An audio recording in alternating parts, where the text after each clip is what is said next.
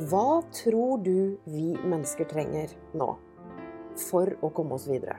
For å leve gode og trygge og rike liv? Jeg tror det kan handle om følelser. Eller det vil si, jeg Jeg vet at det handler om følelser også. At du og jeg og alle gjør følelsene våre til vår styrke. Jeg heter Katrine Aspaas, og du lytter til Oppdrift. Velkommen tilbake til uh, uh, Jeg sitter her fortsatt og stammer litt og stotrer litt, fordi at jeg er litt grann, uh, Sannsynligvis analysen er litt starstruck. For vi sitter her tilbake med um, professor Alexander Cappelen, som har driver med noe av det mest spennende jeg kan tenke meg av økonomisk forskning. Og jeg nøler ikke, sånn fra mitt ståsted, til å kalle det dere driver med, menneskevennlig. På den måten at dere er oppriktig interessert i, sånn som jeg leser det fra utsiden, da, å finne ut hva det er som driver oss. Og det dere har funnet, det snakka vi litt om i første episode, dere har funnet at vi mennesker er bedre enn vårt rykte.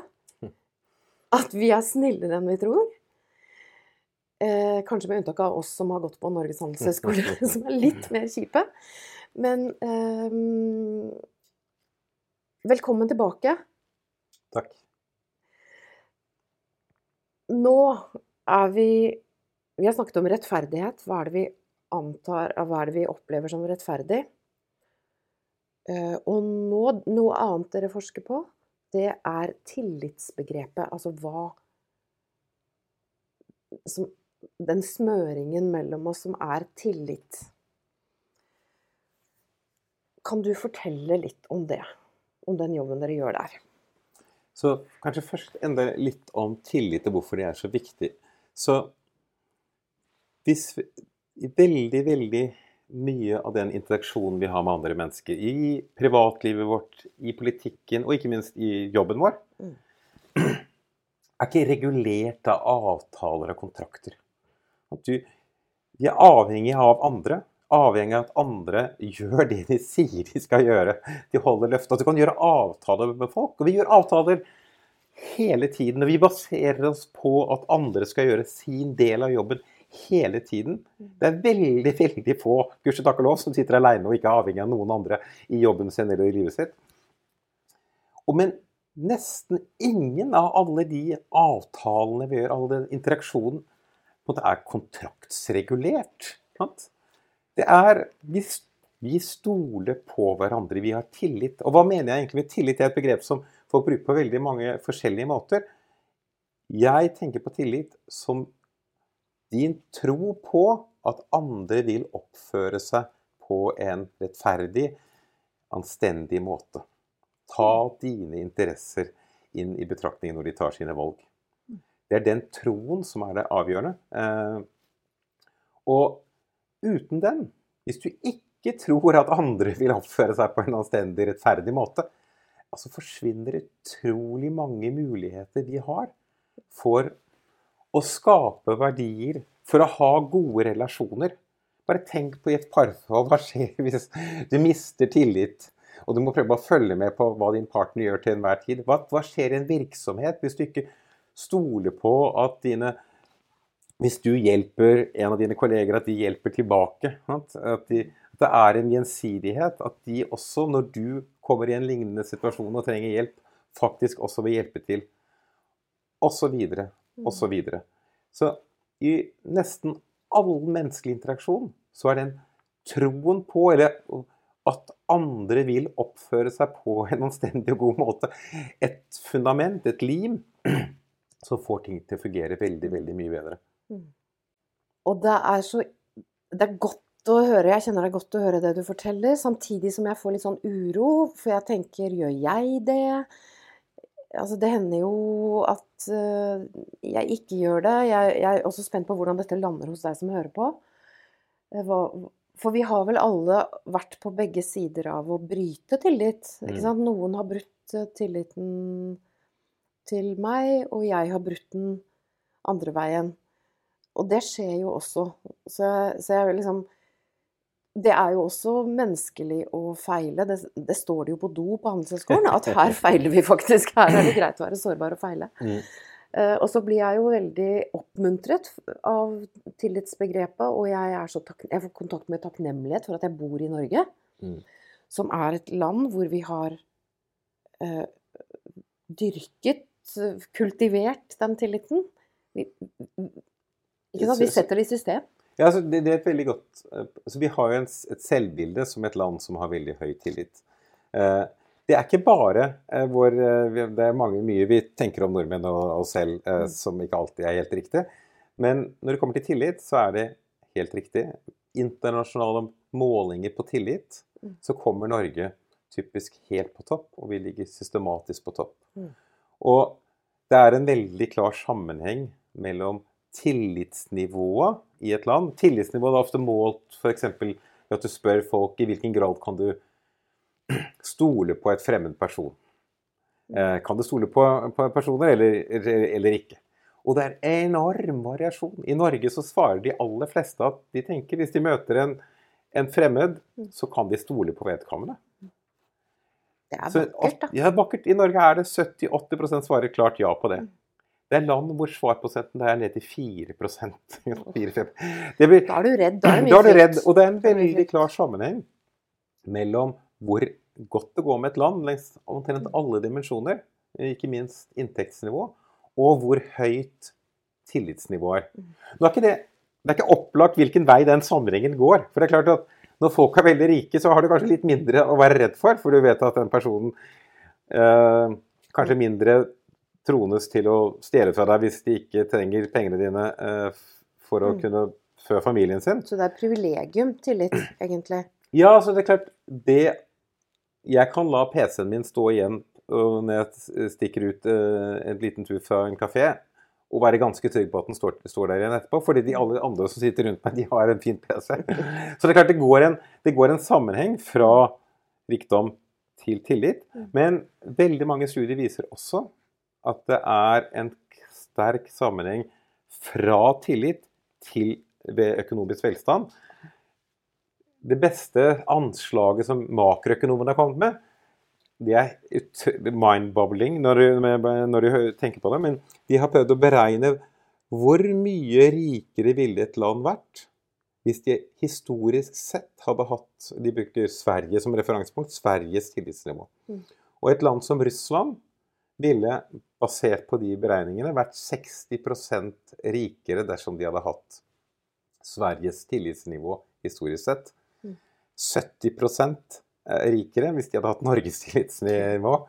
Så hva forteller det oss? Jo, det forteller at tillit er ikke bare sånn litt fint, eh, bra å ha. Som en ressurs så er tillit, hvis man skal stole på de tallene, eh, viktigere for Norge enn oljeformuen. Og ikke bare det, at det er viktigere enn oljen, men hadde det ikke vært for tilliten, så hadde vi antagelig ikke hatt noe særlig glede av den oljeformuen. For bare tenk på hvor mye tillit som ligger i det faktum at vi har klart å spare opp alle de pengene. Mm. Hvis du trodde at politikerne kom til å skalte og valte og stikke de pengene i sin egen lomme som nå er i oljefondet, ja, det hadde ikke vært noe oljefond. ikke sant? Eh, og, Godt eksempel. ja, og, og, det, og det er jo faktisk tilfellet at i de fleste land som har eh, store naturressurser, så går det ikke særlig bra. Mm. Så, ja. Og jeg, og jeg, jeg tenker Det er kjempespennende. Jeg, når jeg hørte 60% at de ville vært 60 rikere, så tenkte jeg ikke mer. Ikke mer. Men, men det, er jo, det er jo mye, og, det er, og tillit er lønnsomt. Og jeg, jeg trekker det jo også inn i Hvis jeg tenker på mitt eget liv, Mm. hvor mye smerte i det livet Hvor mye av den smerten jeg har opplevd i mitt liv, Mm. har skyldtes at jeg ikke har hatt tillit til folk. Ja. Ikke sant? Nå, nå, nå kjenner jeg at jeg får litt sånn tårer i øynene. Altså at um, At jeg ikke har turt å stole på folk. Mm. Mm. Det er kjempekostbart. Og, nå, og det er jo sånn Jeg har gått rundt og grått på Handelshøyskolen også i de dagene jeg har Mm. vært her, for det er så mye minner. Det er så utrolig sånne gode eh, opplevelser her. Mm. Og bare sånn for, for Alexander som nå sitter foran en gråtende programleder, så, så bare forteller jeg det at jeg driver også Jeg følger jo med på forskningen på tårer mm. og på emosjoner i det hele tatt. Og det morsomste med forskningen på tårer er at det er innmari bra for huden. Altså det er veldig bra. Tårer er veldig bra for oss på veldig mange måter. Mm. Det skaper tillit. Ja. Det kan skape tillit. Mm. Og så i andre situasjoner så kan du skape mistillit hvis Mm. det er forbudt, da. Mm. Ikke sant, kulturelt forbudt. Men er bare å så sørge for å få de tårene opp i panna. Mm. Sånn at du ikke bare får fin hud sånn under øya, men også litt i panna. Men jeg tenker på det med tillit til livet, at det gir jo avkastning Mm. På områder som, som ikke er økonomisk også. For, og det å gå rundt og være redd. Og vi har jo grunn til å være redd for hverandre. Veldig mange av oss har jo sånne tillitssår. Mm. Uh, Ja, og det er viktig at du sier, fordi mange har nok kanskje den reaksjonen når vi sier tillit er bra. Så vil jeg tenke, ja, men er det noe egentlig det? For noen av de eh, følelsene som du sikkert satt med når du begynte å tenke på tillit, mm, var kanskje ikke bare relatert til at du ikke hadde turt å til, vise tillit, men også situasjoner hvor du har vist tillit, og den tilliten har blitt misbrukt. Og jeg tror det er eh, viktig for å forstå fundamentet for tillit. mm, Fordi mange sier ja, men nordmenn ja, vi er så blåøyde, vi er naive. Det er ikke noe bra med den tilliten. Til ubetinget tillit er selvfølgelig ikke bra. Hvis du stoler på Hvis du har en naiv tro på at andre vil oppføre seg bra, eh, selv om de ikke vil det, mm. da går det deg veldig dårlig i livet. Eh, og, Takk veldig- skal du ha så fortell fortelle meg det nå. Ja. Men det så, hvor, så, det, det, det, så spørsmålet her er hva er grunnlaget for tillit? Og for de aller fleste mennesker som ikke er For de aller fleste er ikke naive på den måten. De er ikke blåøyde på den måten. Tvert imot, hvis de har tillit, men opplever at noen ikke oppfører seg på den måten de trodde de skulle oppføre seg, så de misbruker tilliten, Mm. ja, da forsvinner tilliten. Sånn. Så tillit er en veldig sårbar ting. Ja. Og grunnlaget for det som gir næring til tillit, det er erfaringen av at folk opptrer tillitsverdig. Så på en, mange måter så har jeg vært litt skeptisk til å snakke om tillit, fordi jeg tror det grunnleggende er tillitsverdighet. Mm. For det er det som er grunnlaget for tilliten. Altså, tilliten er selvfølgelig viktig, men du har ikke tillit hvis ikke du møter folk i livet ditt, i organisasjonen, i landet, i politikken, hvor det måtte være, som er tillitsverdige. Mm. Og så kommer det virkelig store spørsmålet. Hvorfor er folk tillitsverdige? Og til, der går vi litt tilbake til det vi snakket om i forrige eh, eh, samtale. Ja Mm. hvor vi snakket om rettferdighet. Og at folk har et sterkt ønske om å opptre moralsk. Eh, De er egeninteresserte òg, men de gjør en avveining. folk. Ja, de, folk er bra, folk. bra folk, og de, men de, de fleste bryr seg ganske mye om rettferdighet. Ganske, selvfølgelig også mye om seg selv. Men det betyr at hvis du skal gjøre noe som opplagt er å bryte noens tillit, så ikke opptre på en, å misbruke tillit, så har de aller, aller fleste mennesker heldigvis et behov for å kunne rettferdiggjøre det. Ikke bare med henvisning til egeninteressen, men også med et moralsk argument. Jeg gjør det fordi Jeg gjør det fordi.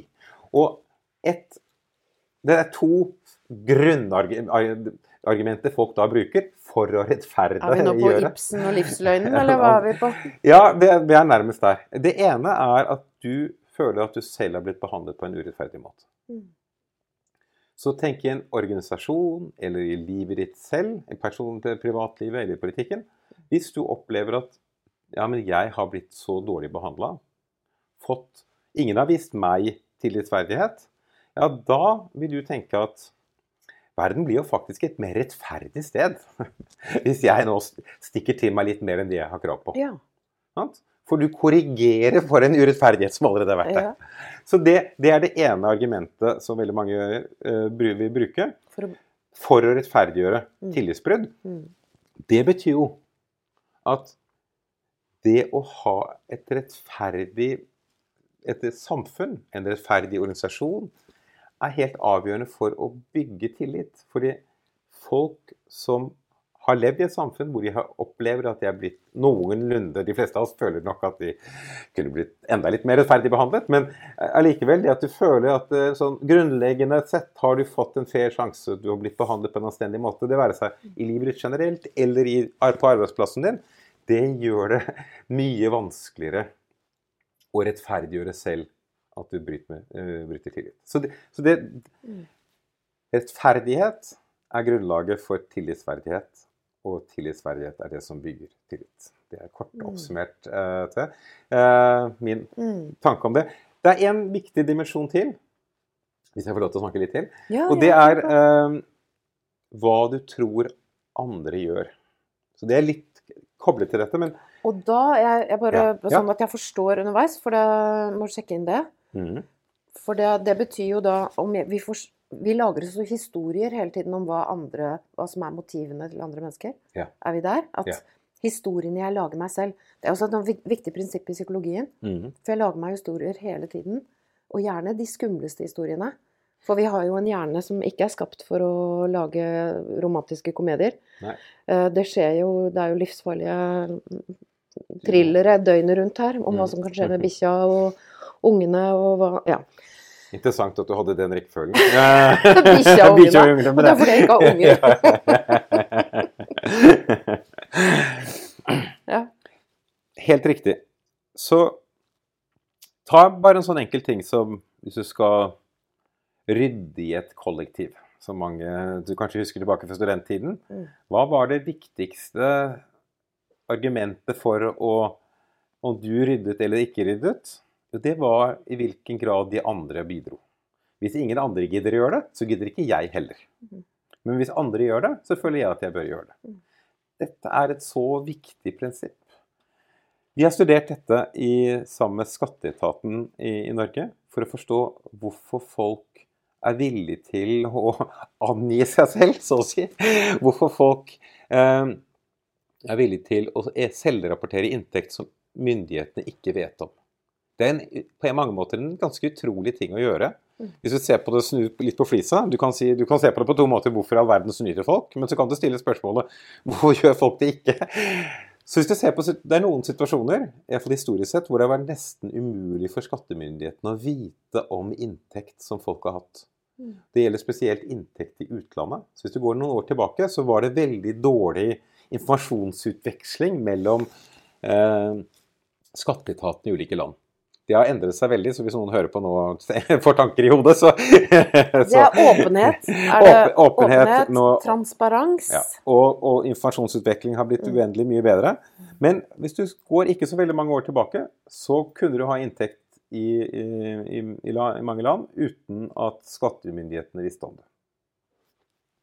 Sammen med skatteetaten så gjorde vi et eksperiment for å teste ut om vi kunne få folk frivillig til å rapportere mer. Og da, det må sies, da visste skattemyndighetene allerede litt om, om en del folks inntekt i utlandet, for de fikk rapporter mm gjerne et år eller to etterpå fra disse landene. Og så kunne de sammenligne hva som de fikk vite i etterkant, med hva folk hadde rapportert selv. Og så identifiserte skattemyndighetene en gruppe folk, 20 000, eller 15 000 skattytere, hvor det var et avvik. Man vet ikke helt sikkert om det var eh, noe juks eller ikke, men det var iallfall en indikasjon, kan man vel si.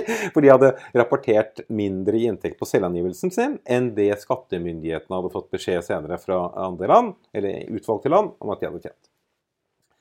Disse skattyterne fikk da et brev fra skatteetaten. Det i seg selv var litt interessant. Bare se hva er effekten av å, å få et brev fra skatteetaten i det hele tatt. Exactly. Det blir jo rett i ryggen og ja. ja. Mye, mye skjer. Og det så vi også. For vi hadde noen som ikke fikk brev, og noen som fikk brev. Og bare det å få brev hadde en ganske betydelig effekt på hvor mye eh, folk rapporterte i skatt. Så vi hadde, vi hadde delt Folk var tilfeldig vi kaller det randomisert inn i ulike grupper. Så gruppene var i utgangspunktet helt like. så vi visste at de iallfall i forventning skulle ha samme inntekt i utlandet, alle disse. De som fikk brev, de rapporterte å ha, litt, å ha en del mer. Men Det vi var interessert i, er hva nå? Vi tror at en, kanskje en av hovedgrunnene til at folk ikke rapporterer i inntekt i utlandet, er at de ikke har tillit til at andre mm. eh, betaler den skatten de skal. Korrekt og fullstendig. Og da spesielt andre som har inntekt i utlandet. Så det vi gjorde, var at vi sammen med Skatteetaten la inn én setning i det brevet som skattyterne fikk, hvor vi minnet dem på at det store flertallet av folk som hadde skatt, eh, inntekt i Norge, rapporterte det korrekt og fullstendig. På en måte forandret hva som ble referansegruppen, og hvem du tenkte på når du tenkte på eh, ja, betaler folk skatt eller ikke. Hvis du bare hadde tenkt på andre ut, som hadde inntekt i utlandet, så hadde du med en viss rett kunne tenkt ja, mange av dem gjør jo heller ikke det, derfor kan jeg rettferdiggjøre det.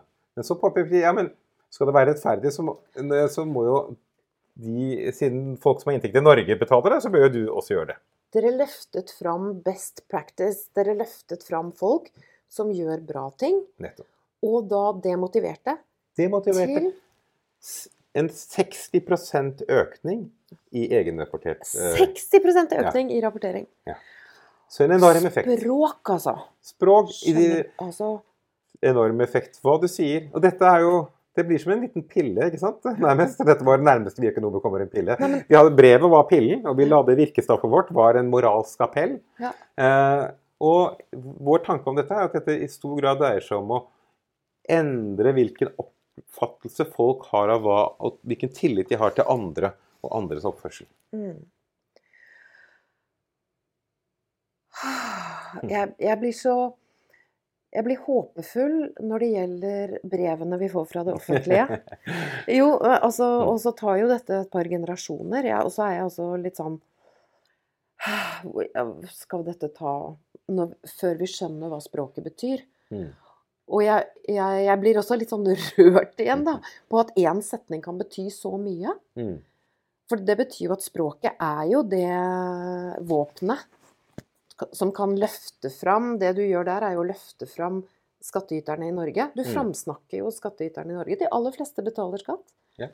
Og da blir jeg litt stolt også over at vi faktisk gjør det. Og så gjelder det altså tør jeg vise en annen ting, at det gjelder å forstå hva som motiverer folk. Ja. For hvis du, ikke, hvis du trodde det eneste som betydde noe, mm var frykten for å bli straffet, mm. ja, så ville du ikke tenkt at dette hadde noen effekter i det hele tatt. Så det er først når du innser at nei, folk er motivert av å opptre Å kunne rettferdiggjøre det de være gjør. Være bra folk. Være bra folk, ikke sant? Og, og, de vil ikke føle seg som bra folk når de tenker på det, men alle, nesten alle andre rapporterer jo korrekt og fullstendig. Det er mm. bare Det er så ja. klokt, mm. og så Det kan gjøres i så mange sammenhenger. Og øh, hva var det jeg kom på nå? Jo, Ane Dahl Torp. Mm. Når det gjelder institusjonene våre og sånn. Ane Dahl Torp sa en gang Skuespilleren. Mm. Hun sa en gang det at eh, 'jeg ønsker å bo i et land som er bedre enn meg sjøl'. altså Det er jo en innsikt. Jeg mm. ønsker å bo i et land med systemer som tar vare på meg når jeg ikke klarer å ta de gode valgene sjøl. Og det er jo f.eks. dobbel lønn, altså dobbel lønn om sommeren. Halv eh, skatt i desember, sånn at vi har råd til ferietur, mm. Eh, campingtur. Og vi har råd til julepresanger. Mm. Det er en lite eksempel på hvordan institusjonene våre hjelper oss til å ta gode valg. Fordi jeg, jeg klarer jo ikke å spare, dette er jo kjempemye fristende der ute. Sånn at vi det er mange, så det er ett eksempel. Jeg syns det er veldig slående hvor Jeg er stor fan av eh, Skatteetaten og mye av de tingene de, de gjør. Jeg synes jo bare snakker om tillit. Det er et slående eksempel på tilliten vi har i Norge også. Når du ser hvordan folk reagerer når de får skattemeldingen.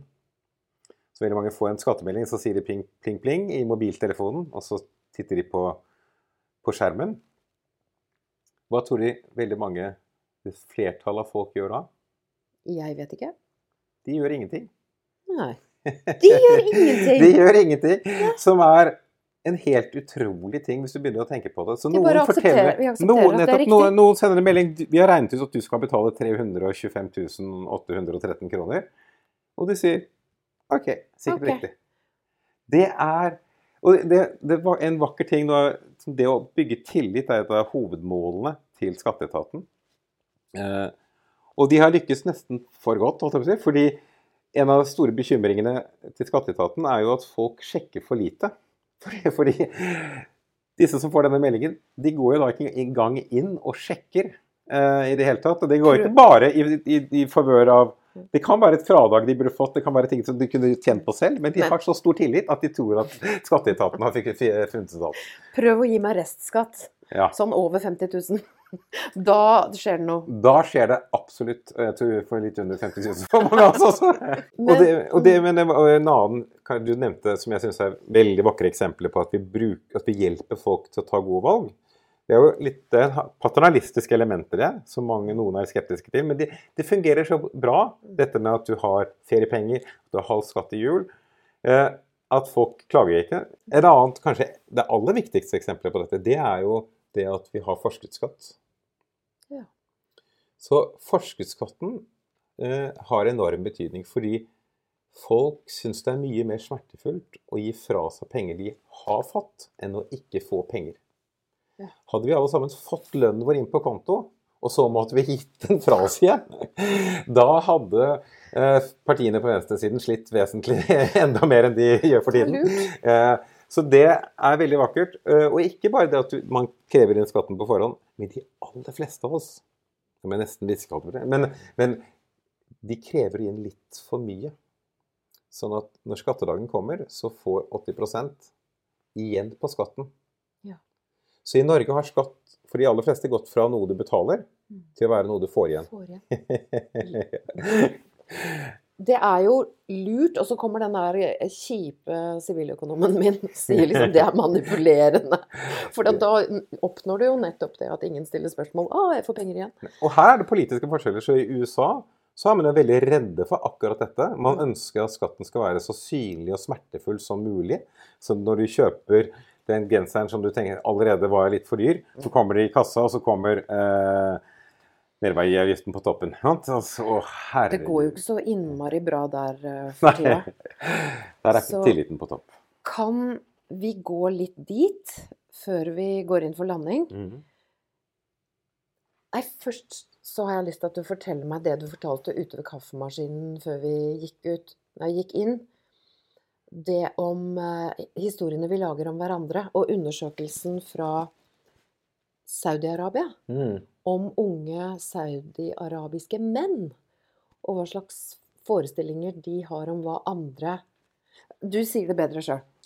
Ja, det må bare sies dette er et studie som noen eh, veldig flinke økonomer, eh, som ikke er oss, eh, har gjort. Vi jobber med dem på å gjøre en oppfølgingsstudie, men kjernen i studiet her, som, er, som har en utrolig viktig moral, det, det er at vi bryr oss om hva andre tenker om det vi gjør.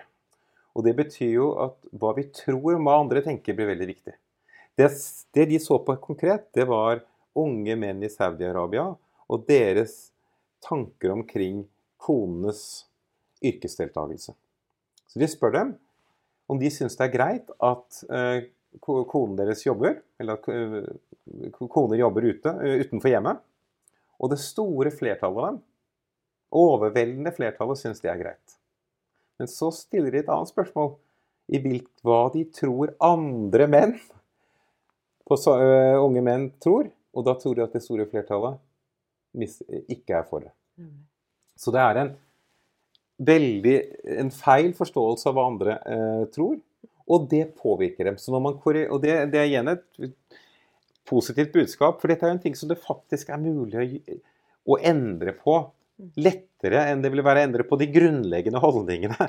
Grunnleggende holdninger kan være veldig tunge å endre, men oppfatningen av, av hva andre tenker, det kan vi korrigere. Ja. Og det ser de også. De gjør en intervensjon hvor de korrigerer for Hvor de forteller folk hva, hva andre eh, faktisk mener.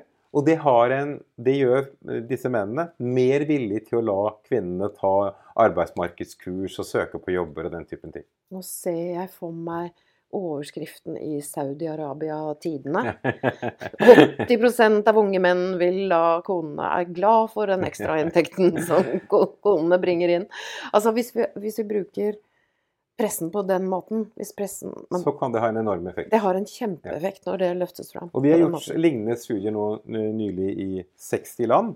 Og det vil si at Saudi-Arabia er ikke unikt. Den Mm. typen misforståelser har de i veldig, veldig mange land. Og så kan det være noen ganger den går andre veien. Så vi spør også ikke bare om kvinners yrkesdeltakelse, som er jo et mindre aktuelt spørsmål i gudskjelov takk og lov i, i, et land som Norge, men også om aktiv eh, eh, Hvorvidt kvinner skal, skal, prioriteres i lederstillinger i offentlig og privat sektor.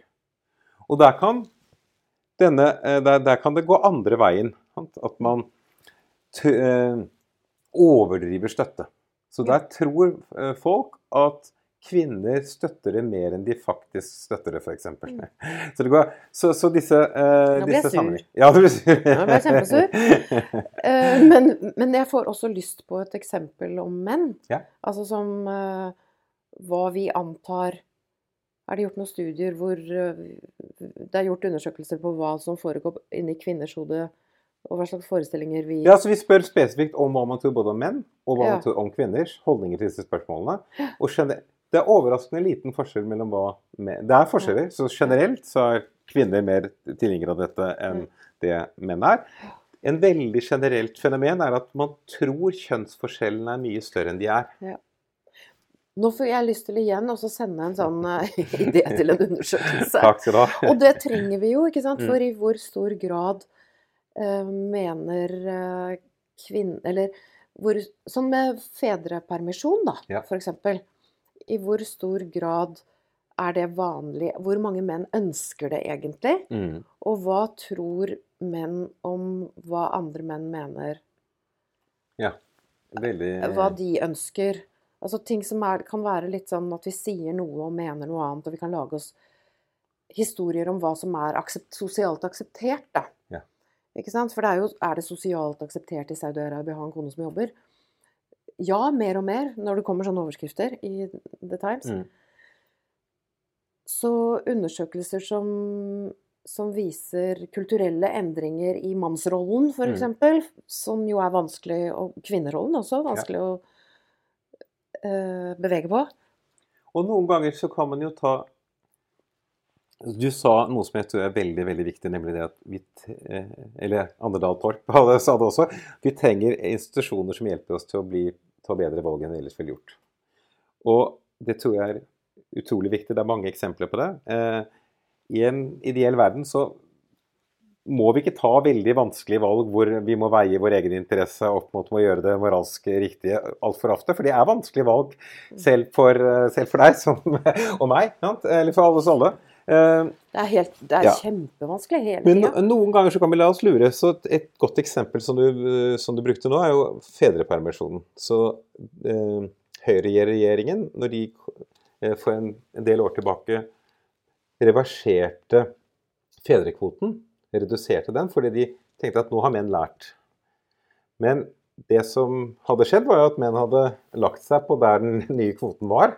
Den høye kvoten var. Og når man senket kvoten, ja, så var det meget mulig pga. press på arbeidsplassen, og det er vanskelig å vite. Men så ble, gikk det jo eh, gikk det ned igjen. Ned igjen. Et, noe av det vakreste jeg eh, Jeg syns det er en veldig vakker historie. for Det er ikke vakker historie at man reverserte politikken. Det var jeg veldig mye imot, og jeg var ganske sikker på at akkurat dette ville skje. Det som er veldig vakkert, var at det var en, en kunstbasert endring da på, i, tilbake igjen. Hvor eh, i lys av at man fikk dette fallet imens eh, uttak av fedrepermisjon, så gikk man ikke bare tilbake til den opprinnelige ordningen, men man økte jo eh, fedreandelen enda litt mer. Mm. Eh, så det er sånn svinger det jo. Ja, og tross alt basert på at man så hva som skjedde.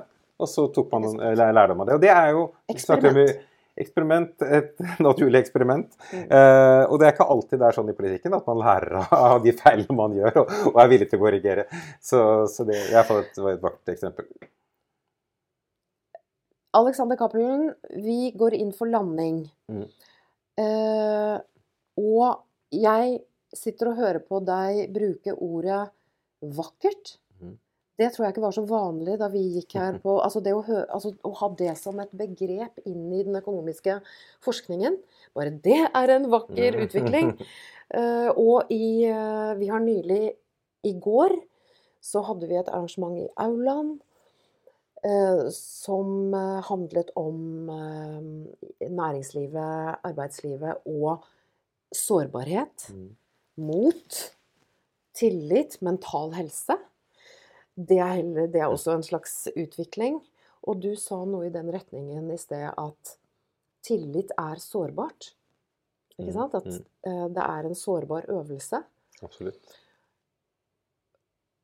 Hvordan kan vi eh, som, Og så ser vi samtidig at polariseringen, altså mistilliten, øker jo rundt oss nå. Det er bekymring for eh, hva som skjer rundt i verden, USA, det med polarisering. Hvordan kan vi bruke den fremragende forskningen eh, deres til å fortsette å øke tillitsnivået i, i Norge? At vi ikke begynner å miste troen på hverandre.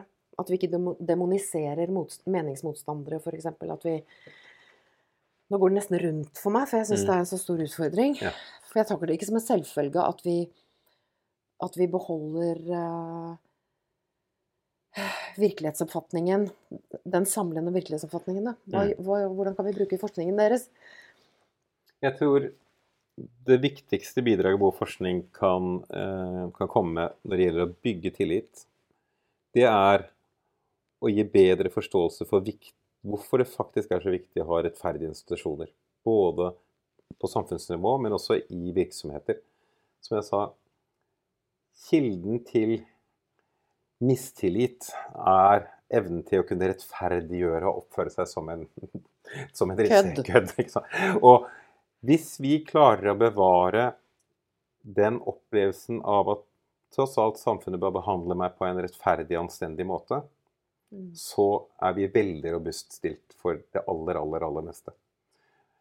De utviklingstrekkene vi skal være veldig redde for, de er jo de tingene hvor folk føler Nei, se på den gruppen f.eks. som stikker av gårde til skatteparadisene.